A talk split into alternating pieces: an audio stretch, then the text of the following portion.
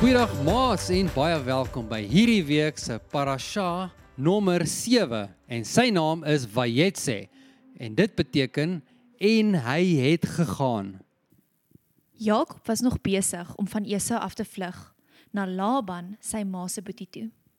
Nou eendag terwyl hy vlug in die pad op pad na Haran toe, het dit donker geword en hy het toe sommer 'n klip gebruik as sy kussing. Terwyl hy met sy kop op die klip geslaap het, het Jakob begin droom. In sy droom was daar 'n leer op die aarde wat al die pad tot in die hemel ingestrek het. En daar was engele van God wat teen die leer op en af geklim het. God self het bo aan die leer gestaan en hy het gesê: Ek is die Here God van Abraham en die God van Isak. Die grond waarop jy nou lê, sal ek aan jou en jou nageslag gee. Jou nageslag sal soveel soos die stof van die aarde wees. Julle sal versprei na die ooste en die weste, na die noorde en die suide.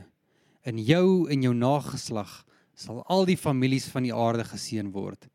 Ek is met jou en ek sal jou beskerm waar ook al jy gaan en ek sal jou terugbring na hierdie land. Ek sal jou nie los totdat ek gedoen het wat ek vir jou gesê het nie. Jakob skrik toe wakker en sê: Sekerlik is die Here in hierdie plek en ek het dit nie geweet nie. Hoe skrikwekkend is hierdie plek. Dit is niks anders nie as die huis van God. Dit is die poort van die hemel. Jakob staan die volgende oggend vroeg op en vat die klip wat hy vir 'n kussing gebruik het en sit dit regop soos 'n pilaar. Hy het salfolie daarop uitgegooi en die plek Betel genoem. Daar waar dit eers Lus genoem is. Jakob sweer toe hy eet.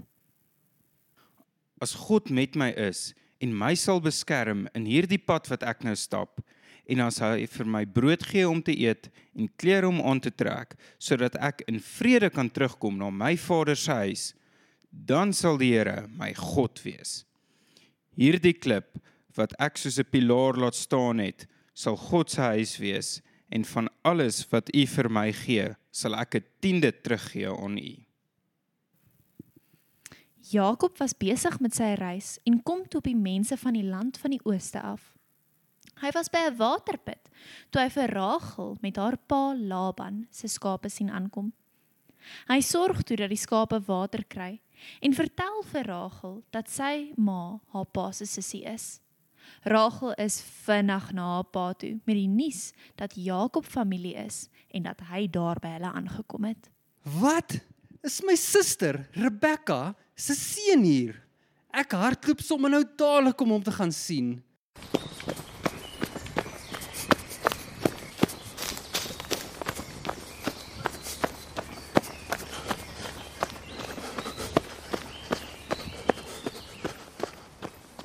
Jakob, kom hier sodat ek jou 'n druk kan gee. Ek is so bly om jou te sien. Kom saam met my na my huis toe. Jakob vertel toe vir Laban wat hy gemaak het met Esau en hoe hy nou hier by Laban opgeëindig het. Jy is waarlik bloedfamilie van my Jakob. Bly hier by ons. 1 maand later. Jakob, jy bly hier en werk nou al 'n hele maand lank vir my. Ek kan mos nie dat familie vir my werk sonder om betaal te word nie. Nou sê vir my, hoe betaal ek jou vir al jou harde werk? Nou Laban het twee dogters gehad. Die oudste was Lea en die Bybel sê dat sy sagte oogies gehad het. Rachel was die jongste, maar sy was baie baie mooi. Jakob was lief vir Rachel en daarom het hy gesê: Oom Laban, ek sal 7 jaar lank vir jou werk as ek met Rachel kan trou. Ek sal veel eerder dat jy met haar trou as wat enige ander man haar kry. Kom bly by my vir hierdie 7 jaar. Jakob het toe die 7 jaar lank vir Laban gewerk sodat hy met Rachel kon trou. Omdat hy lief was vir Rachel, het dit vir hom net soos 'n paar dae gevoel. Oom Laban, ek het nou die 7 jaar vir jou gewerk.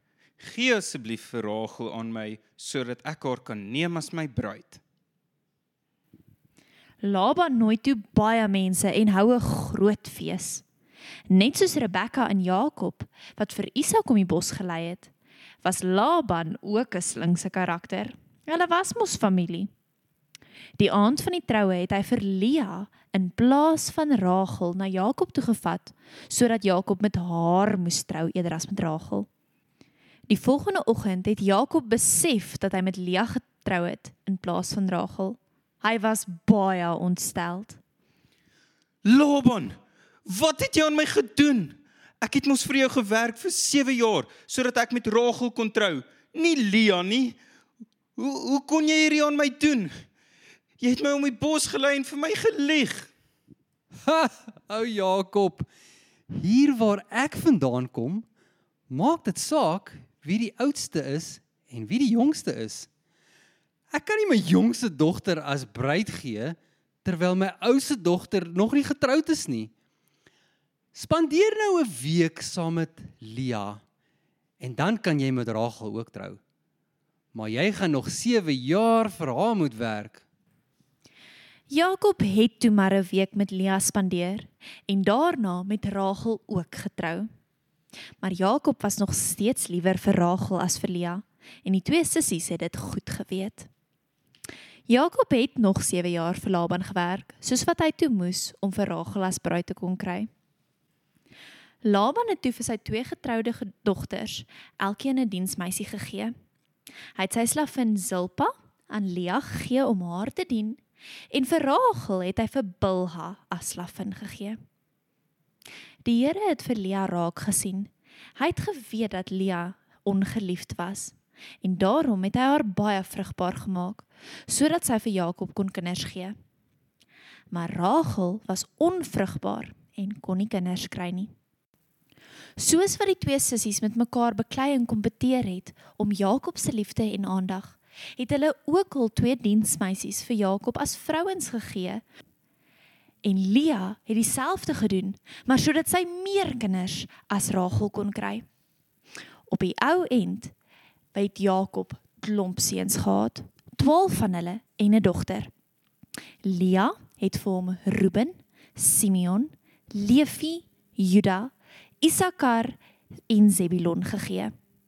Deur haar by Zilpa het Jakob ook vir Gad en Asher gehad.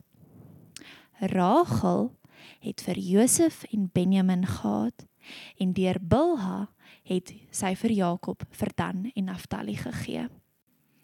Nadat Rachel vir Josef in die wêreld gebring het, het Jakob vir Laban gesê: Laat my trek. Ek wil na my geboorteland toe gaan. Gee my nou my vrouens en kinders vir wie ek by oom gewerk het, want ek wil nou weggaan. U weet hoe hard ek vir u gewerk het. Dink tog aan wat jy vir my beteken. Ek het die tekens gelees en agtergekom dat die Here my seun om jou ontwil. Stel self jou loon vas en ek betaal jou dit om vir my te werk. Oom Laban, jy weet hoe ek vir jou gewerk het en hoe dit met jou kudde gegaan het terwyl hulle by my was. Die bietjie wat jy gehad het voor ek gekom het, het baie geword want die Here het jou geseën vandat ek by jou gekom het. Wanneer sal ek vir my eie huis kan begin werk? Nou maar wat moet ek vir jou betaal? Jy hoef my niks te betaal nie. Ek sal jou klein vee oppas en dan sal ek al die gestreeptes en die gevlektes vat en jy vat dies wat mooi en gesond lyk. Laban het natuurlik weer vir Jakob probeer kil, maar die Here het dit raak gesien. Jakob het slim planne in plek gestel en hy het baie ryk geword, want die Here het hom geseën. Maak nie saak wat Laban gedoen het nie. Jakob het agtergekom dat hy en Laban nou skielik baie vassit. Die Here het toe vir Jakob gesê: Gaan terug na jou vaderland, na jou familie toe. Ek sal by jou wees. Toe laat roep Jakob vir al sy vrouens. My vrouens Julle het nou al seker agtergekom. Ek en julle pa sit 'n bietjie vas deesdae. Hy het my nou al te veel keer om die bos probeer lei. En die Here my God het vir my gesê, dit is tyd om terug te gaan na my vaderland toe. So kom, kom ons gaan. Rachel en Lea het vir Jakob gesê: "Kyk, ons weet ons pa gee nou nie eintlik veel om oor ons nie. Hy gee net om oor die geld. So ons is reg. Ons stem saam. Ons sal saam met jou gaan." Jakob en sy vrouens het toe klaar gemaak, al die kinders op klamele laat klim, al die besittings opgelaai en al die vee reg gekry vir die groot trek. Hulle het spesiaal gewag totdat Laban en sy seuns weg was om die skape te gaan skeer, want Jakob wou vir Laban bedrieg deur hom nie te vertel dat hy wegvlug nie. In hierdie hele proses terwyl haar pa weg is, het Rachel in sy pa se tent ingegaan en al sy afgodsbeeldjies gesteel. Jakob het nie geweet van die gesteelde beeldjies nie. Hy en sy gesin en al hulle besittings is toe stilletjies daar weg. Laban het by die huis gekom en besef dat hulle weg is. En hy het ook agtergekom dat sy beeldjies weg is. Hy was baie ontsteld. Hy het hulle agterna gesit en na 7 dae het hy met hulle opgevang. Toe het hy en Jakob so bietjie begin stry. Wat het jy gedoen? Jy het my bedrieg en my dogters weggevat asof hulle gevangenes is. Waarom het jy dit in die hei- geheim gedoen?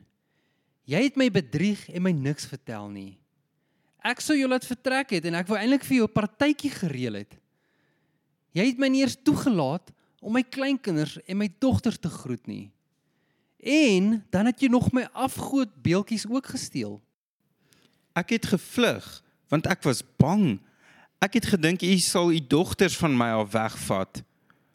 Maar die een by wie jy jou afgode kry, daardie een moet sterf. Kyk hier waar my familie is en kom kom kyk of jy enige van jou besittings hierso by ons kry en vat dit saam met jou terug. Uh, nee Jakob, jy is verkeerd. Nee Laban, jy is verkeerd.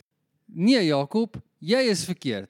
Uh nee, jy is verkeerd. Nee, jy is verkeerd. Nee, dis jy. Jakob en Laban het uiteindelik 'n hoop klippe op mekaar gestapel as bewys en as getuie deur al die eeue dat hulle nie meer verder met mekaar sal beklei of mekaar en mekaar se families leed sal aandoen nie. Hulle het mekaar toe geseën en is in vrede uit mekaar uit weg. Maats, kan julle sien in hierdie week se gedeelte hoe net soos Jakob vir Esau ingedoen het, so ook het Laban hom ingedoen.